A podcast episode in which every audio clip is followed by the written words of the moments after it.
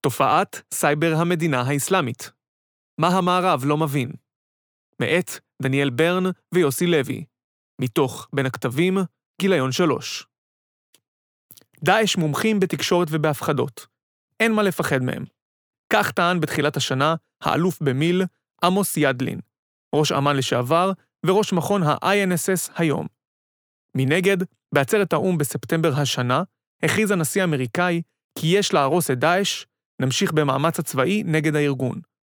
הניו יורק טיימס דיווח כי בעוד הכוחות האמריקניים תוקפים מן האוויר את אנשי המדינה האסלאמית, כוחות הקשורים לאיראן פועלים על הקרקע נגד האויב המשותף לשתי המדינות. בריאיון שהעניק לאחרונה, הודה הנשיא אובמה כי גורמי המודיעין האמריקני לא העריכו נכונה את עוצמתו של הארגון בסוריה. בנוסף, כ-35 שנה לאחר המהפכה האסלאמית באיראן, נפגשו בשולי עצרת האו"ם בניו יורק ראש ממשלת בריטניה ונשיא איראן, למפגש היסטורי ראשון במטרה להדק את הקשר בין שתי המדינות. במהלך מסע הבחירות לנשיאות, הצהיר נשיא ארצות הברית ברק אובמה לא אחת כי הוא מתנגד ללחימה בעיראק, ולכשייבחר, ישיג את הכוחות האמריקאים משם. ואכן, ב-19 באוגוסט 2010, נסוג צבא ארצות הברית מעיראק. על רקע החלטה זו, ועל רקע הקו המדיני הברור בו נקט אובמה, תמוהה החלטת הממשל האמריקאי והבריטי, ארבע שנים מאוחר יותר, לאחד קואליציה למאבק באותו מקום ממנו נסוגו ב-2010, שעל פי ראש ממשלת בריטניה ויו"ר המטות המשולבים של ארצות הברית, ייקח שנים וידרוש נוכחות של עשרות אלפי חיילים על הקרקע. מה הצליח לאחד את מנהיגי המערב לפעולה נגד ארגון טרור, שהיה אנונימי יחסית עד לאחרונה, ולפעול באופן המחזק את מה שהוגדר עד לא מזמן, על ידם כציר הרשע. במשך למעלה משלוש שנים התנהלה מלחמת אזרחים בסוריה, שגבתה למעלה מ-170 אלף הרוגים, ובמשך כל תקופה זו, ארצות הברית ומדינות המערב עמדו מנגד. כיצד אם כן הצליח בפרק זמן כה קצר ארגון טרור שקיומו נחשף רק לאחרונה, ומונה פחות מ-40 אלף טרוריסטים מצוידים בנשק בסיסי ורכובים על טנדרים, להיות מוגדר על ידי ארצות הברית כאיום על המולדת. תופעת המדינה האסלאמית מהו הדבר שהמערב לא מבין בתופעת המדינה האסלאמית? כיצד חוסר ההבנה יוצר פחד בקרב מנהיגי המערב? מדוע חוסר ההבנה לא רק הופך את ההתמודדות עם המדינה האסלאמית ללא אפקטיבי, אלא אולי, באופן פרדוקסלי, מגביר את הצלחתו, לפחות נכון לעכשיו. ארגון המדינה האסלאמית, IS, Islamic State, או כפי שנקרא המקור דאעש, אל-דולה, אל-אסלאמיה, פי אל-עראק ואל-שאם, המדינה האסלאמית בעראק ובשאם, סוריה, הוא ארגון טרור אסלאמי סוני קיצוני שהתפצל מארגון אל-קאעידה בשנת 2014, בעקבות חילוקי דעות בין ההנהגה המרכזית למפקדי השטח של הארגון. שינוי שמו של הארגון מדאעש למדינה האסלאמית מלמד על שאיפותיו המתרחבות, אשר אינן מוגבלות עוד מבחינה גיאוגרפית. בסוף יוני 2014 הכריז הארגון על הקמת חליפות אסלאמית עצמאית בשטחים שבשליטתו. הארגון הוקם על ידי אבו מוסעב א-זרקאווי ב-2003 ונקרא ג'מאעת א-תוחיד ואל-ג'האד, ומטרתו הוגדרה להילחם בכוחות הקואליציה שחדרו לעיראק כדי להפיל את שלטונו של סדאם חוסיין. ב-2004 נשבעו לוחמי הארגון אמונים לאל-קאעידה והפכו לשלוחתו בעיראק. מנהיג הארגון, אבו מוסעב א-זרקאווי, נהרג ב-8 ביוני 2008 בהפצצת חיל האוויר של ארצות הברית בעיראק, לאחר ניסיונות התנגשות קודמים שכשלו. אבו איוב אל-מסארי, שהחליף את א-זרקאווי כראש הארגון, חוסל אף הוא ב-18 באפריל 2010, בפעילות אמריקנית-עיראקית. מנהיגו הנוכחי של ארגון המדינה האסלאמית, אבו בכר אל-בגדדי, עומד בראשו ממאי 2010. תחת הנהגתו, שינה הארגון את היגיון פעולתו והחל להשתלט על אזורים בעיראק ולהשליט בהם שלטון אסלאמי קיצוני, עם שאיפה להמשיך ולהתרחב. ההיגיון האסטרטגי של הארגון מתמצא בתנועה להתפשטות במרחב, תוך יצירת מרחב הולך וגדל לחליפות אסלאמית, כאשר זו תיבנה בהדרגה דרך שלושה מעגלי השפעה. המעגל הראשון מגדיר את גרעין יסודה של החליפות האסלאמית בעיראק, סוריה ואפגניסטן. זהו המרחב האופרטיבי בו ייווצר המודל הפוליטי החדש, שישמש בסיס להתארגנות מוסדית כמו מדינתית, ואשר ישמש השראה להתרחבותה העתידית. המעגל השני על פי תפיסת העתיד של הארגון, הוא המדינות המוסלמיות הכופרות שאיבדו את דרכן, ואילו המעגל השלישי, אליו מכוון ארגון המדינה האסלאמית את יעדיו, הוא המערב. אמנם המערב מוגדר כיעד הרחוק בסדר עדיפויותיו להשפעה והשתלטות, אך בל נטעה, המעגל הזה, כפי שיוצג גם בהמשך המאמר, איננו מחכה בתור. ארגון המדינה האסלאמית בונה את יכולות השפעתו עליו סימולטנית למעגלים האחרים. התקדמותם של צבאות כובשים בעבר לוותה בקריאות קרב וצלילי הלמות תופי מלחמה מהדהדים בשדה הקרב. מנגד, הטכנולוגיה והאבולוציה הרשתית העבירה אותנו לעידן הלחימה החדש, בו למכשיר הסלולר הנייד, למחשב האישי ולרשת החברתית תפקיד משמעותי במימוש האסטרטגיה הצבאית. אל-קאעידה היה מראשוני ארגוני הטרור שהשתמש בהצלחה ברשת, בעיקר כאמצעי תקשורת, פוש והדרכה לרכישת יכולות ולקראת ביצוע משימות. אולם, ארגון המדינה האסלאמית עושה שימוש חסר תקדים בתחכומו, בהיקפו ובטקטיקות שלו בשימוש ברשתות החברתיות. בראי ההיסטוריה, התעמולה כצורת תקשורת להפצת רעיונות בקרב ציבור רחב, במטרה להשפיע על התנהגותו או עמדותיו, קיימת מאות ואלפי שנים. מנגנון מרכזי בתעמולה מבוסס על שימוש בריבוי וחזרה על מסרים המועברים, וזאת על מנת להעצים את חשיפת הפרט אליהם, תוך ניצול החשיבה הלא מודעת של הפרט. עוצמתה של התעמולה בשתי המדינות הטוטליטריות הגדולות של המאה ה-20, ברית המועצות וגרמניה הנאצית, מוכרת היטב. המניע האידיאולוגי התחבר לצורך ליצור בקרב אומות אלו תחושת קולקטיב רעיוני, המוני, מלכד, חובק כל. התעמולה כללה שימוש באמצעים טכנולוגיים חדישים לזמנם, הרדיו והקולנוע, כמו גם בהצהרות המונים, בדגלים ובסמלים, ליצירת שפה חזותית ורעיונית ייחודית, שמטרתה השלטת אורח המחשבה הרצוי על כל הכפופים וההולכים אחרי המשטר בכל היבט של החיים.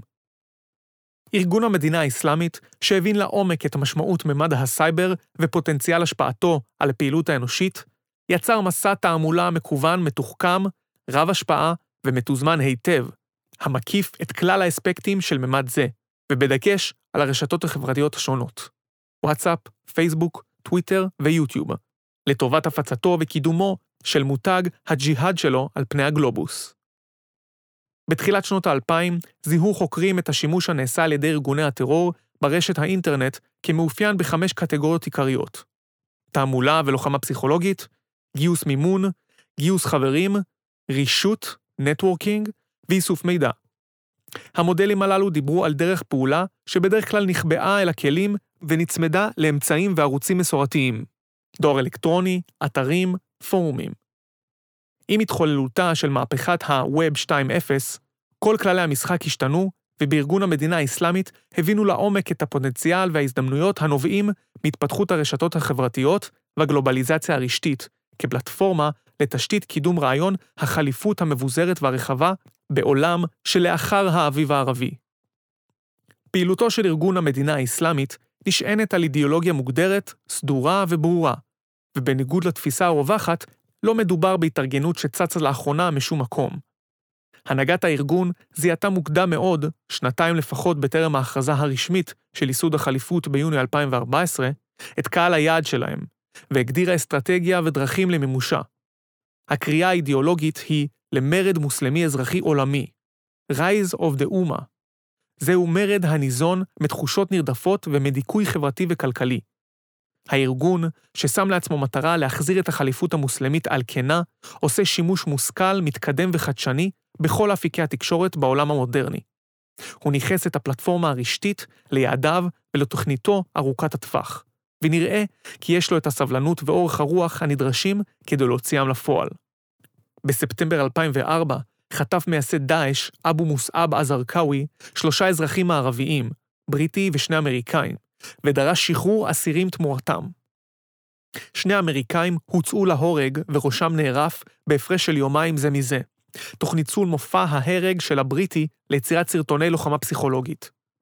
הסרטונים הועלו לרשת האינטרנט ועד מהרה מצאו את דרכם גם לרשתות הטלוויזיה ששידרו את הסיפור באינטנסיביות ובהרחבה.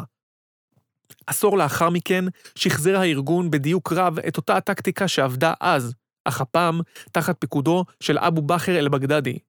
הארגון הוציא להורג בזה אחר זה את הצלם האמריקאי ג'יימס פולי, העיתונאי האמריקאי סטיבן סוטולף ועובד הסיוע הבריטי דיוויד היינס, והשתמש בעיתונאי הבריטי ג'ון קנטלי לסדרת סרטוני לוחמה פסיכולוגית.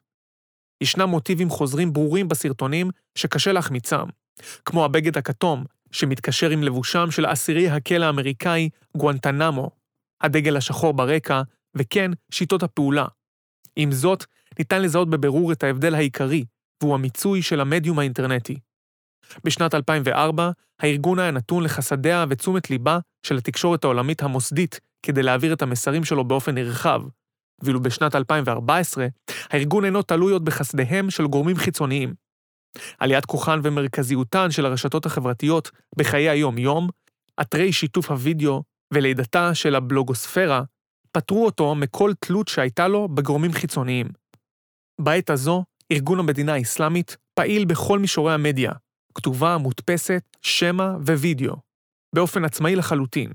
הוא מעסיק מומחים בתחומי השיווק, יחסי ציבור והפקת תוכן חזותי, תוך שימוש בכלים משחקיים כדוגמת ה-game fiction, והוא מנצל, בציניות רבה, את מאפייני דור ה-Y ודור ה-Z במערב, תוך רומנטיזציה של האידיאולוגיה שלו.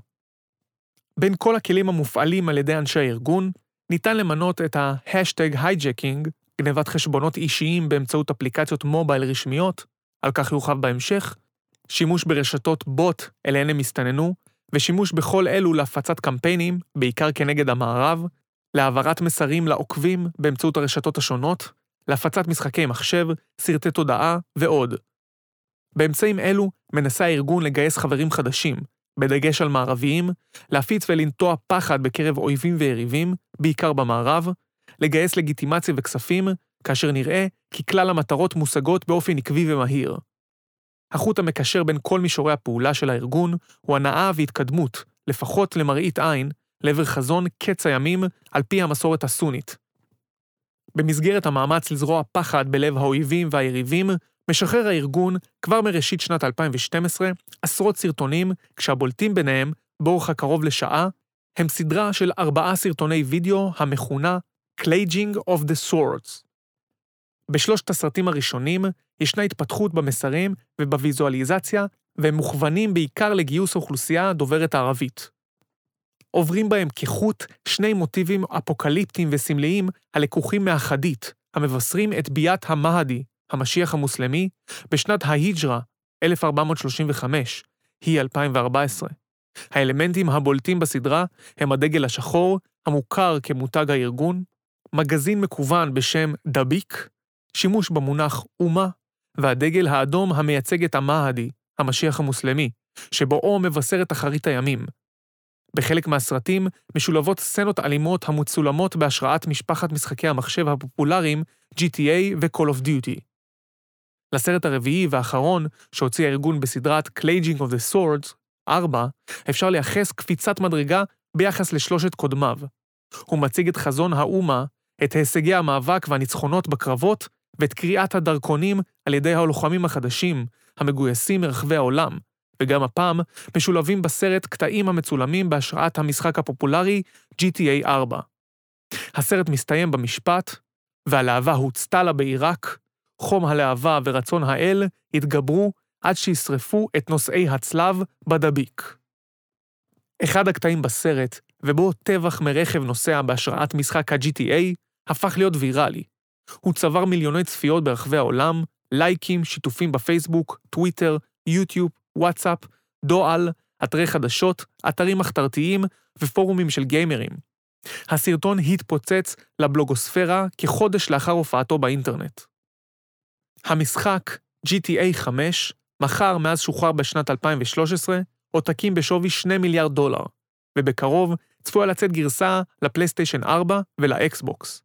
סדרת משחקי Call of Duty היא למעשה גרסה מתקדמת ביותר של סימולטור לחימה אישי, עם מפות הניתנות לתכנון, פעולות מתוכננות, עם עשרות לוחמים, חיים ועוד. מדובר במשחקי רשת המוניים, בהם המשתתפים משחקים בתוך קהילות אונליין, אשר נפגשות לאירועים וירטואליים מבצעיים, וכן משחקים האחד מול השני באופן מזדמן. מדובר בקהילות ובפורומים המונים אלפי אנשים, אשר מעולם לא נפגשו זה עם זה. המשחקים זמינים במחשב האישי, כמו גם בקונסולות המשחק, פלייסטיישן ואקסבוקס. מתאפשרת בהם רמת תקשורת גבוהה, ניהול שיחות באמצעות טקסטים, מצלמות רשת, אוזניות ומיקרופונים. המהווה כר נוח לקיום תשתית גיוס ואימון רחבת היקף, וכל זאת תחת אפם של ארגוני הביטחון. השוואת המציאות למשחק המחשב, כמו גם הסרטים התודעתיים, מייצרים בקרב צעירי המערב את התפיסה כי לקום וללכת ולהילחם בסוריה קל כמו לצאת לחושה לדיסנילנד, ובארגון המדינה האסלאמית מבינים היטב את פוטנציאל הקונוטציה הזו. בראשית יולי השנה שחרר הארגון סרט בשם Flames of War, השונה בתכליתו מהסרטים הקודמים. הסרט, לעומת קודמיו, שהוכוונו אל הקהל המוסלמי, מכוון לקהל יעד מערבי והוא מתורגם במלואו לאנגלית. הלוחם המרכזי דובר אנגלית רהוטה, בדומה לג'יהאדי ג'ון, והסרט מעט מעודן יותר מקודמיו מבחינת כמות ועוצמת הזוועות המוצגות בו. הארגון דאג לראשונה לטשטש חלק מהזוועות, כיאה למסר המוכוון לקהל מערבי. קטעי הלחימה מלוטשים יותר, ומתקשרים בצורה ישירה עם סדרת משחקי Call of Duty. באמצע ספטמבר השנה שחרר הארגון פרומו שדימה את המשחק GTA 5 בשם Grand Theft Auto סליל על סווארם. הקטעים בסרטון לקוחים מגרסת הסיפור של המשחק המקורי ומגרסת האונליין שלו. בטקסט המלווה את הסרטון, הארגון מכריז שלוחמיו עושים בשדה הקרב בדיוק את מה שבני הנוער עושים בשחקם את המשחק באינטרנט. הסרטון מציג לוחמים ג'יהאדיסטים שצועקים אללה אכבר בזמן שהם תוקפים את ארצות הברית. לפי מחלקת המדיה של הארגון, מטרת הקדימון הייתה לעודד את רוחם של הלוחמים הג'יהאדיסטים הפוטנציאליים ללמד ילדים כיצד להילחם במערב, וכיצד להטיל מורא בלבבות אלו המתנגדים למדינה האסלאמית. גם אם מדובר בכלי אימון ללוחמים פוטנציאליים, וגם אם מדובר בעיקר בכלי תעמולה, כפי שטוענים אחרים, הרי ברור שבכל הנוגע לתעשיית המשחקים, זהו קצה הקרחון. התקשורת המצרית טוענת שהמשחק וקטע הוידאו נועדו להעלות את המורל של המוג'הדין, להכשיר ילדים ובני נוער צעירים כדי להילחם במערב, ולזרוע טרור בליבם של אויביה של המדינה. העיתונות העולמית פרסמה ראיות לשימוש בקהילת הגיימרים והמשחקים המקוונים, בפרט Call of Duty ו-GTA, על מנת ליצור מגע, להכשיר לבבות ולפתות צעירים לרעיון הג'יהאד והלחימה. התופעה הפכה מוחשית כאשר נחשף על ידי התקשורת ההיפסטר הג'יהאדיסט הראשון, צעיר מצרי בשם אסלאם יאקן, רוצח המתהדר בראשים ערופים. נראה כי תספורת האפרו המטולטלת שלו, המשקפיים העבים והמרובעים והמראה הקולי ענו על הציפיות המערביות בדימוי המגניב, ועד מהרה צצו ברשת תמונותיו, ההופכות אותו לגיבור תרבות היפסטרי שליצירי המערב קל להזדהות עמו. במהלך השנתיים האחרונות, ארגונים מוסלמים סונים קיימו באנגליה ערבי החזרה בתשובה לצעירים, המכונים Call of Duty Rise of the Uma.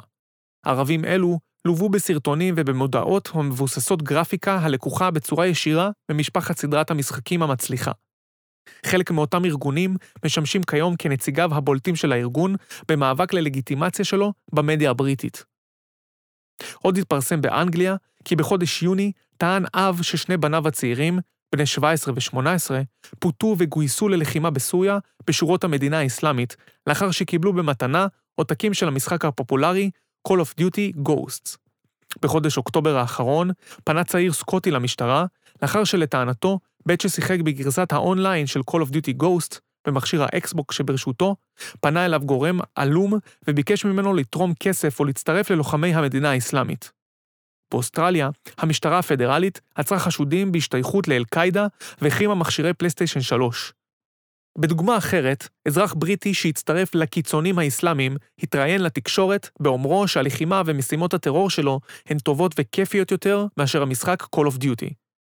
בחודשים האחרונים, בעקבות חשיפות אדוארד סנודן, הודו ארגוני הביון המובילים בעולם, ביניהם ה-NSA וארגון הביון הבריטי, ה-GHCK, כי חדרו בשנים האחרונות לשרתים ולקהילות המשחקים המקוונים, והם עוקבים אחר הנעשה, אחר המשתמשים וכוונותיהם. כמו כן, נחשף כי הארגונים ובראשם ה-CIA, בשיתוף עם חברת טוויטר, פועלים באופן יומיומי למחיקת חשבונות של פעילי הארגון, ומנגד, להפיץ באמצעות חשבונות מדומים מסרים סותרים. DARPA, מעבדת המחקר של הפנטגון, מימנה מערך של מחקרי מדיה חברתיים הכוללים ניתוחים על פעילים פוליטיים ושיטות דיסאינפורמציה תוך מאמץ להבין כיצד ניתן להשיג השפעה התנהגותית. העניין הבא, retweeting וכו', במגוון פלטפורמות של רשתות חברתיות. לאחרונה, אף הופץ ברשתות החברתיות סרט של מחלקת המדינה, המתבסס על תפיסות וכלים דומים לאלו שבסרטון Flames of War, אך מציג את האמת, הזוועות, שמאחורי מעשה הארגון. כבר בתחילת 2009 הוציא ה-HDS האמריקאי מסמך המציג את התופעה ואת הסיכון הכרוך בה, אולם נראה כי עד לאחרונה התזה שהוצגה בו לא נלקחה ברצינות על ידי סוכנויות המודיעין והביטחון בעולם המערבי. גיוס חברים לצד מאמץ הגיוס באמצעות משחקי המחשב, מפיץ הארגון אפליקציות רשמיות הזמינות להורדה מהגוגל פליי, אחת האפליקציות הנקראת שחר הבשורה המשמחת, משמשת להגדלת הפרופיל שלהם על ידי שימוש ברשתות החברתיות. אלפי משתמשים הורידו ונרשמו לאפליקציה המתוארת, המדווחת חדשות מסוריה, עיראק והעולם האסלאמי. המשתמשים מאשרים לארגון לקבל מידע רב מהמכשירים שלהם, וכן הרשאה לשלוח טוויטים באמצעות החשבונות האישיים שלהם. זה מאפשר לטוויטים של הארגון להגיע למאות או אלפי חשבונות, דבר הנותן תחושה שהתוכן שלהם פופולרי יותר ממה שהוא עשוי להיות במציאות. אמצעים אלו ואחרים הובילו לתופעה שקיבלה את הכינוי תיירות ג'יהאד, או תיירות טרור. באנגליה טבעו אף את המונח Five Star Jihad. תיירות טרור היא הכינוי הלא רשמי שניתן לתופעה בה גברים צעירים, משכילים, המתפקדים היטב בחברה, נוסעים למדינות מוכות מלחמה, שלארצם אין הסכם הסגרה איתן, כדי להשתתף בהרפתקת לחימה לצד ארגוני מורדים וטרור ולהרוג בני אדם. לאחר מכן, התיירים יחזרו לארצם ולא יחששו מהעמדה לדין בגין מעשיהם ופשעיהם במדינות הללו. תופעת תיירות הטרור הולכת וגדלה ברחבי העולם. המדינות הפופולריות ביותר כיעד לתיירות טרור בימים אלה הן סוריה, אפגניסטן ועיראק.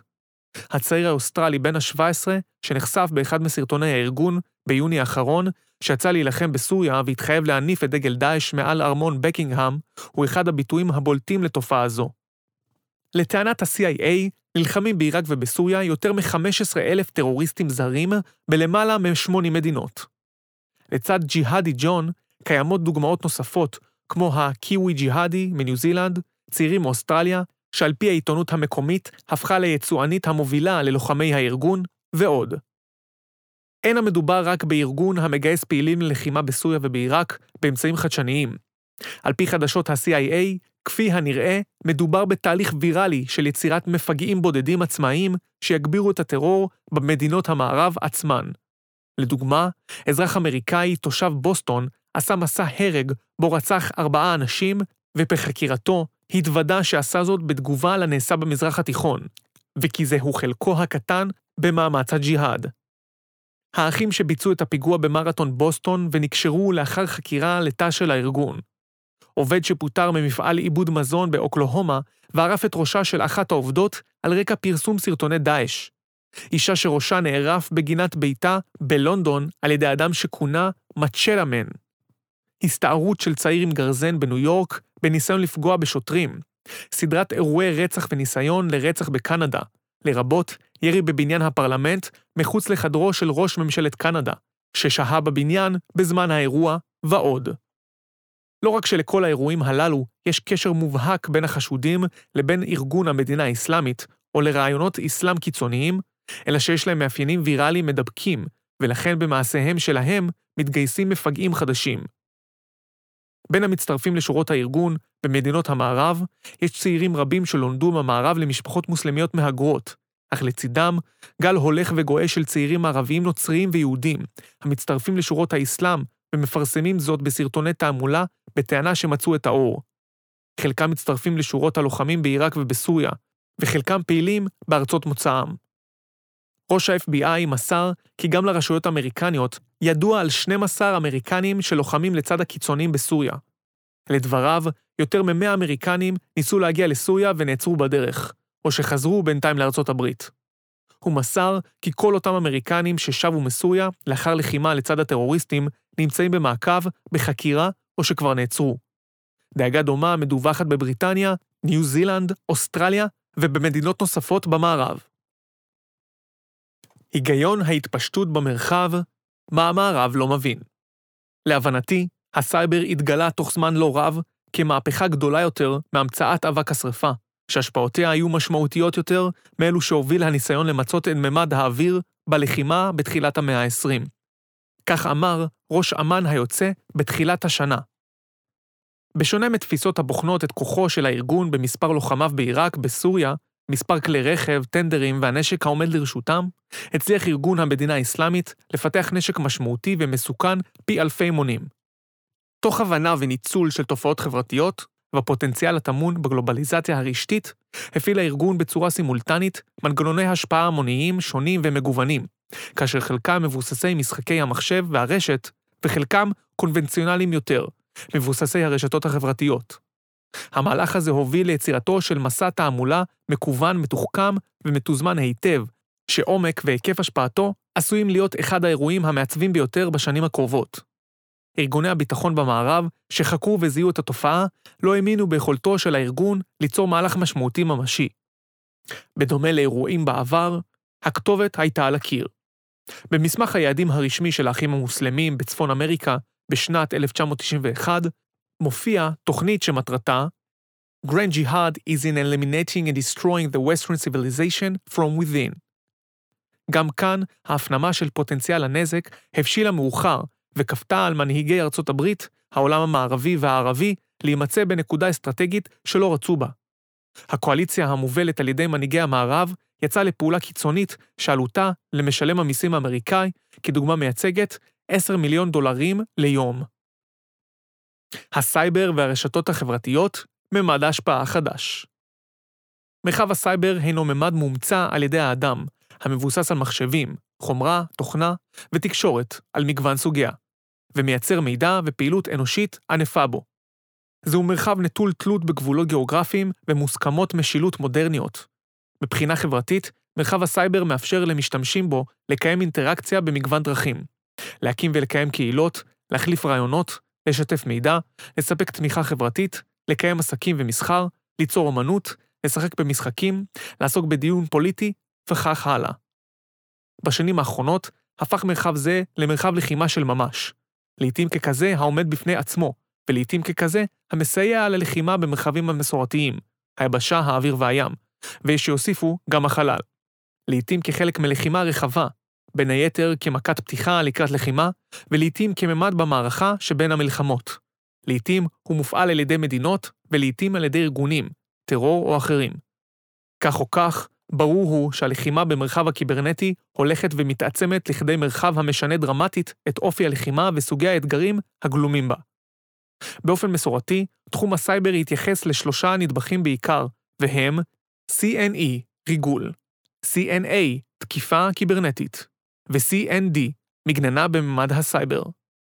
בשנים האחרונות הצטרף לאלו נדבך נוסף, ה-CNI, Computer Network Influence, השפעה באמצעות ממד הסייבר. מדינות המנסות להתאים עצמן לעידן המתפתח עוסקות בעיקר במבנים ארגוניים שימצו באופן מיטבי את הפוטנציאל הנובע מהסינרגיה בין הנדבכים. מדינות רבות, ומדינת ישראל ביניהן, משקיעות מאמץ, משאבים, ומקיימות בשנים האחרונות תהליכים ארגוניים על מנת להיערך לעידן הסייבר. בצה"ל מחולקת האחריות על הנדבכים הללו בין אגף המודיעין לאגף התקשוב. חשוב לציין שבנדבך ההגנה פועלים במדינת ישראל מספר גופים בנוסף לצה"ל, ביניהן השב"כ, באמצעות ראם לשעבר, הרשות הממלכתית לאבטחת מידע, משרד המשפטים, באמצעות רמות, הרשות למשפט, טכנולוגיה ומידע, משרד הביטחון באמצעות מלמ"ב, הממונה על הביטחון במערכת הביטחון, ומשטרת ישראל. מאז הקמתו לפני למעלה משנתיים, מוביל מטה הסייבר הלאומי את תחום הסייבר במדינת ישראל, לצד הארגונים האחרים. הצורך בשדרוג ההיערכות הלאומית בתחום הסייבר לא איחרה לבוא, ורק לאחרונה הכריז ראש הממשלה בנימין נתניהו על הקמת הרשות הלאומית לסייבר. נתניהו הסביר בפתח ישיבת הממשלה, החלטתי לפתח רשות לאומית לנושא הסייבר, שתסדיר ותדאג להגנת מדינת ישראל בנושא הסייבר. לא רק ההגנה על המתקנים החשובים וגופי הביטחון, אלא כיצד להגן על אזרחי ישראל מפני תקיפות. זוהי רשת חדשה, זה בעצם להקים חיל אוויר נגד איומים חדשים, ולא להסתמך על כך שהדבר יתבצע מתוך גופים קיימים. אנחנו בעולם חדש, מתארגנים עם כוחות חדשים. יש לזה משמעות גדולה מאוד להגנתה של מדינת ישראל. השפעת הרשתות החברתיות בעידן ה-Web 2.0 טרם נחקרה לעומק, ובוודאי שהשלכותיה לא מבוררות באופן מספק. יחד עם זאת, השפעתה ניכרת בכל מעגלי החיים של פרטים, חברות, ארגונים ומדינות. במידה רבה, ניתן לומר כי באמצעות השפעתן על הפעילות האנושית, כמו גם פוטנציאל ההשפעה בחלוקה דורית, תופעות רבות הפכו מדבקות, ויראליות, בהיקפים ובקצבים שטרם נראו דוגמתם. אין ספק, למשל, כי הרשתות החברתיות שיחקו תפקיד היסטורי בהפיכה במצרים. זו לא הייתה הפעם הראשונה בה רשתות חברתיות משמשות ככלי לקמפיינים עממיים וירטואליים, אך זו הייתה הפעם הראשונה בה קולו של ההמון התגבש לכלל פעולה משותפת. המחאה שהחלה בפייסבוק ובטוויטר, והביאה בסופו של יום לסוף עידן מובארק, כבר נכנסה לדפי ההיסטוריה. דף פייסבוק בשם "כולנו ח'אלד סעיד" נחשב לנקודת הפתיחה של המהפכה המצרית.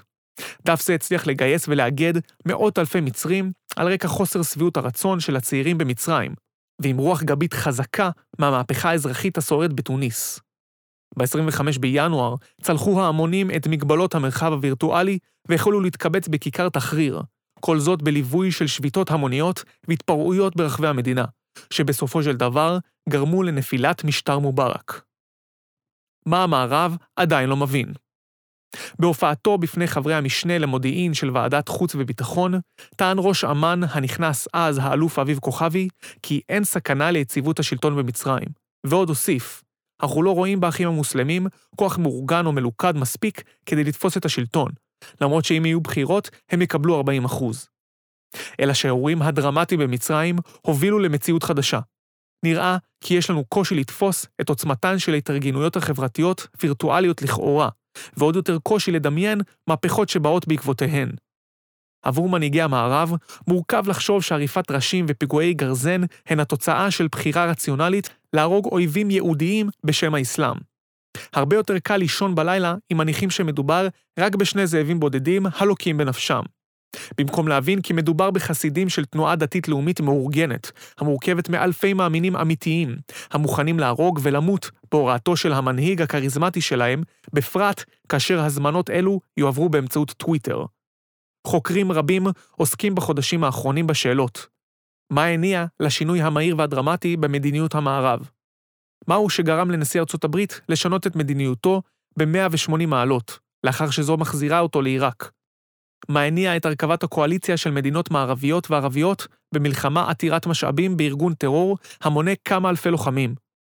התשובה לכך נעוצה בהבנת רישותה של התופעה ומופעיה השילוחיים המצויים כבר בתוך המערב, ולא פחות מכך, בפחד מפני מחזה האימים המתרחש לנגד עינינו. ההבנה היא שארגון המדינה האסלאמית עלול להסתבר לא כמופע הזוי בר חלוף, כי אם כמנגנון משוכלל ומתקדם, שמצליח בינתיים להרחיב את בסיס כוחו, ולהתפשט באופן נרחב ושיטתי גם על אדמת הדמוקרטיות הליברליות במערב. באופן פרדוקסלי, דווקא התקיפות של הקואליציה המערבית בסוריה ובעיראק, כמוהן כניסיון לכיבוי מדורה בדלק. לצד העטפה במסגדים, המהווה את התשתית לרעיון הצדק החדש, התכנים הרשתיים המגיעים משדה הקרב בסוריה ובעיראק, המופצים ברשתות החברתיות, עשויים להעביר רבים משלב התסכול לשלב המעשה. שכן המאבק, כך לפחות על פי גורמי ג'יהאד, הוא מלכתחילה על צדק כלכלי-פוליטי, וקיפוח על כך שכוחות מערביים פולשים, המונעים מאינטרסים כלכליים, באו לשלוט על משאביהם. הרציונליזציה הדתית של המאבק היא על הזהות האסלאמית, המופרת בכוח זה עשורים על ידי כוחות חיצוניים. פניית הארגון למאמינים במדינות המערב לא מכוונת רק לשכבות החלשות ולשוליים סוררים. הארגון פונה בקריאה ישירה למהנדסים, רופאים ומומחים המתחברים למוסלמי שבתוכם, לפנות ולסייע במאבק. כיום משולבים במדינות המערב מוסלמים רבים בתפקידים ביטחוניים, ממשלתיים ואחרים, שהצטרפותם הרעיונית צריכה לעורר דאגה רבה בקרב ממשלות המערב. מזה כשנתיים הכינו עצמם מנהיגי הארגון לעימות חזיתי נרחב מול המערב ומדינות ערב הכופרות. כיבוס שדות הנפט והמשך הפעלתם מעידים כי למנהיגי הארגון ברור שלטובת המאבק הנרחב נדרש בסיס כלכלי, ומתכוננים למאבק ממושך. המאבק, אם כן, מול המעגל השלישי, המערב, מונע ראשית לכל מההכרה בצורך להשיג את השפעתו של המערב מהטריטוריה המוסלמית, ולשם כך יש להפעיל לחץ כבד, כולל באמצעי הפחדה קיצוניים, על החברות המערביות המאפשרות למנהיגיהן להמשיך במדיניות זו. המלחמה אינה אלא המשך המדיניות באמצעים אחרים. החשיבות לדיכוי רוח הלחימה של היריב אינה נופלת מהרג ממשי של חייליו. במלחמה ישנן דרכים רבות אל המטרה. לא בכל מקרה דרושה הכנעת האויב. השמדת כוחותיו, כיבוש מחוזותיו והחזקתם, פלישה לתוכם בלבד, פעולות המכוונות ישירות אל קשרים מדיניים, ואף המתנה פסיבית לתקיפות מצד האויב, הרי כל אלה אמצעים, שניתן לנצל כל אחד מהם כדי להכניע את האויב. ציטוט מאת קרל פון קלאוזוביץ'. האתגרים במלחמה בארגון המדינה האסלאמית קשורים ראשית לכל להבנה שהמנגנון בנוי על תפיסת הרשתיות החברתית הגלובלית, ובפועל המדינות המערביות לא מסוגלות לפעול באופן יעיל ולמנוע המשך פעולתו. הסיבה לכך נעוצה בתפיסה הליברלית הבסיסית של המדינות המערביות, שכן על מנת למנוע את התפשטות הרעיון הדאעשי במערב, יש לפעול ביד חזקה מול חירות הביטוי ברשתות, ומול כל הפרת סדר על ידי מוסלמים. לכן, בראיית מנהיגי המערב, המלחמה המתנהלת ברגעים אלה מול הארגון בסוריה, הינה למעשה מלחמה על הבית. לא רק מלחמה במובן של איום מוחשי על הריבונות המדינית, כמו פיגועי ה-11 בספטמבר, או איום מוחשי על הביטחון האישי המתערער בעקבות פיגועי הזאב הבודד, רצח אזרחים לא מוסלמים בעולם ובארצות הברית, שכמעט בלתי ניתנים לסיכול, כי היא מלחמה על מהות אופייה של החברה המערבית הפתוחה והמדינה המערבית הדמוקרטית. לצורך התוויית כיוון פעולה, מנהיגי המערב חייבים להבין את ההיגיון האופרטיבי הבסיסי המשרת את החזון של הארגון, שפיתח ושכלל התפשטות רשתית בשלושה מעגלים עיראק, סוריה ואפגניסטן בראשון, מדינות מוסלמיות כופרות בשני, והמערב בשלישי, בדרכו למימוש חזון אחרית הימים. ההתמודדות המערבית מוכרחה להיות סימולטנית וסינרגטית בשלושת המעגלים בהם מנסה הארגון להתפשט, אך היא אינה יכולה להתקיים בלא היגיון אסטרטגי ארוך טווח. מה שמאפיין כרגע את הגישה המערבית, ובעיקר את זה האמריקאית. האסטרטגיה צריכה להיות מסוגלת לזהות קודם כל את הכשלים בהתנהלותו של המערב, בגישה שכונתה מאז פיגועי 11 בספטמבר, המלחמה בטרור העולמי, GWOT, שהביאנו עד הלום. היא גם צריכה להצביע על פוטנציאל שיאפשר הסדרה פוליטית שתניח את דעתם של השחקנים המעורבים. אין באמתחתנו פתרון קסם, ואין לנו אלא להצביע על כשל זה, שכמו שהוביל את עיראק ואפגניסטן לכאוס הנוכחי, כך צורת ההתערבות הנוכחית עלולה רק להעמיק אותו. מה שברור לעיני כל הוא שההתנהלות האסטרטגית העכשווית של המערב אינה תגובתית ושלילית במאפייניה, ללא יעדים פוזיטיביים המגדירה יעדים לעתיד רצוי, ומינימליסטית, כלומר, נועדה רק למנוע מהיריב להשיג את יעדיו. גם ההתמודדות עם הארגון בתוך המעגל הראשון, בעיקר מהאוויר, לא מסוגלת לגעת במקורות התופעה ובמאפייני השפעתה על הקרקע. וכן, כמו שהורחב במאמר זה, היא אינה מתמודדת עם הרשתיות של התופעה בשלושת המעגלים ובזיקות ביניהן. העידן הדיגיטלי הביא עמו מאפיינים המשנים באופן דרמטי את אופי הלחימה, בדיוק כפי שכלי הטיס שינו באופן דרמטי את הלחימה. עלינו לפתח צורות לוחמה רלוונטיות חדשות על מנת לפתח מסוגלות להתמודד עם אתגרים מסוג זה. כמו כן, בניגוד לדרך הפעולה שנוקטות בה שותפות הקואליציה, מענה רלוונטי מחייב הבנה של התופעה מבית והתמודדות עימה בכלים מגוונים ומתקדמים. בדומה למערכת צוק איתן, שבמסגרתה ירה חמאס אל מדינת ישראל מתוך אוכלוסייה פלסטינית, התחבא ונלחם מתוכה, תוך הבנה וניצול ציני של המגבלה הישראלית, המחויבת לחוקי המלחמה וטוהר הנשק, כך במערכה זו פועל ארגון המדינה האסלאמית באמצעות לוחמת סייבר מבוססת CNI, אל ומתוך החברה האמריקנית, תוך הבנה וניצול של תפיסת החופש החברתי האמריקאי. סיכום מאמר זה לא התיימר להציע ניתוח אידיאולוגי ומקיף של המגמה המיוצגת על ידי התפשטותו של ארגון המדינה האסלאמית, כמו גם לא להציע פתרונות קסם שכנראה אין בנמצא. מאמר זה האיר את הפוטנציאל הגלום בממד הסייבר, על מנת להבין ראשית לכל את התופעה, כמו גם להצביע על הפוטנציאל הגלום בו כדי להתמודד עימה. באמצעות ניתוח פעילותו של הארגון בממד הסייבר, ובמיוחד בפעילות ה-CNI במסגרת הרשתות החברתיות, מודגם הפוטנציאל הגלום בהשפעה רחבה על חברות, ובאמצעותן, השפעה על סדר יום מדיני ועולמי. באופן מסורתי, נתפס הממד כתווך לפעילות ריגול, ריגול מסחרי, תעשייתי ועסקי, התקפה והגנה כנגד ריגול או התקפה. ארגון המדינה האסלאמית זיהה את הפוטנציאל הגלום בפעילות האנושית בממד זה, במיוחד בקרב צעירים עד גילאי 23, ומצליח בתחכום, מקצועיות ותוך ניצול חופש הביטוי הדמוקרטי המערבי, לייצר תופעה שבראיית מנהיגי וממשלות המערב נתפסת מסוכנת דייה על מנת לצאת למלחמה כוללת נגדה. בעידן שלאחר ויקיליקס, דאעש כארגון טרור פועל תחת חסות התפיסה הדמוקרטית-ליברלית המקדשת את חופש וזכויות האדם.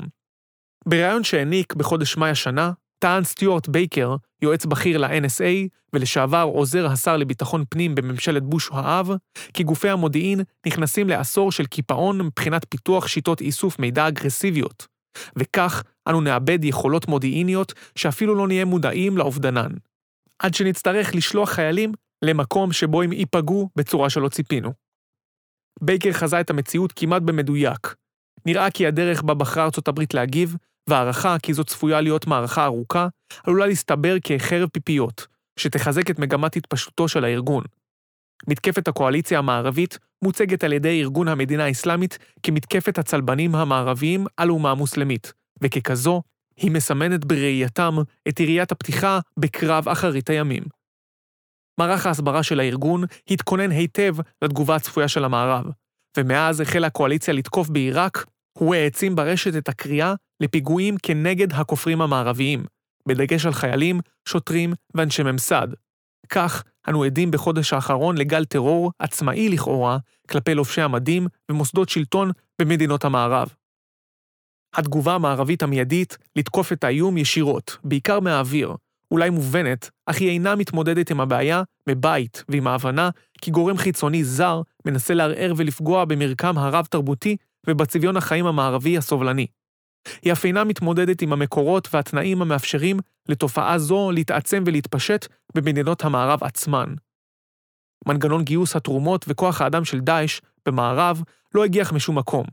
הוא חבר למנגנונים קיימים ולמוסדות וארגונים סונים מוסלמים, דוגמת האחים המוסלמים, שכבר מבוססים היטב במערב. המנגנונים הללו הן למעשה תנועות שחלקן חברתיות וחלקן קהילתיות, מסגדים, אשר השתרשו כחלק מהמרקם החברתי-קהילתי הליברלי במערב, ובאותה נשימה חותרות תחתיו. דרכם ודרך עמותות שונות, דאעש יכל לפעול בשקט, מתחת לרדאר וללא חשש מגילוי. בתזמון מעניין, לפני עשור בדיוק, ועדת החקירה הממלכתית לחקירת מחדלי מאורעות ה-11 בספטמבר בארצות הברית פרסמה את מסקנותיה העיקריות. המסקנה הראשונה הייתה כי מדובר היה בכשל של הדמיון וחוסר חמור בחשיבה יצירתית, אשר חלחלה למוסדות השלטון, מהנשיאים, דרך גופי הביון, וכלה באחרון הפקידים. המסקנה השנייה קשורה בהיעדרה של מדיניות מסודרת. השלישית מתייחסת לכשל ביכולותיה של המדינה להתמודד עם איום מסוג זה, והרביעית גרסה כי ניהול האירוע לקה בכשלים רבים. יותר מעשור אחרי ומול התפתחותו הדרמטית של אותו איום, הג'יהאד הגלובלי, המערב ובראשו ארצות הברית מצויים אל מול אותה שוקת שבורה. העיסוק הנרחב הקיים כיום בעולם בהקשרי הסייבר נוגע בעיקר ליכולות ריגול והתקפה שלילתית. לארגוני טרור כגון המדינה האסלאמית, אין כיום עניין או יכולת ממשית לפתח מערכי תקיפה ואיסוף מבוססים, אך בעוד שארגון אל-קאעידה הוציא על פי הערכות כמיליארד דולר על מתקפות 11 בספטמבר, מצא ארגון המדינה האסלאמית מנגנון יעיל וזול, מבוסס סייבר, להכות במערב ולאלץ את נשיא ארצות הברית לפעול בניגוד מוחלט לתפיסה שהובילו אותו בטרום ובמהלך תקופת כהונתו, עד כדי התפשרות אפשרית עם תוכנית הגרעין האזרחית האיראנית. השפעה גלומה שבלוחמת ה-CNI, השלכותיה, כמו גם הקושי בהתמודדות עימה, מחייב השקעה במו"פ רלוונטי והתאמה מהירה של תפיסות ודוקטרינות התמודדות. בהקשר הישראלי, אין שום ערובה לכך שהתובנות מהמערכה של ומול ארגון המדינה האסלאמית לא יחלחלו לדפוסי הפעולה של חיזבאללה וחמאס, כמו גם לשחקנים מאתגרים אחרים. בתחילת 2012, במקביל להקמת המטה הקיברנטי הלאומי במשרד ראש הממשלה, נטען כי האקר סעודי בשם Zero X אומר גנב פרטי אשראי של עשרות אלפי ישראלים, ישראל תוקפת והורגת פלסטינים חפים מפשע. היא מבצעת רצח עם ומפרה חוקים בינלאומיים. לכל העולם יש בעיות עם ישראל. אני רוצה לפגוע בישראל מבחינה פיננסית וחברתית. כך הסביר את מעשיו בריאיון לעיתונות, ההאקר הסעודי. חמאס עשה ניסיון פרימיטיבי שלא צלח לשימוש במרכיבי תודעה במערכות עמוד ענן וצוק איתן, אך אין שום ערובה לכך שתובנות הלחימה של ארגון המדינה האסלאמית לא יחלחלו לדפוסי הפעולה שלו או של יריבים נוספים. על רשות הסייבר, המתהווה בימים אלו, להבטיח ובהקדם כי מדינת ישראל ואזרחיה ערוכים להתגוננות מפני איומי סייבר מסורתיים, וכאלו מתפתחים בכל אחד מהעימותים הבאים.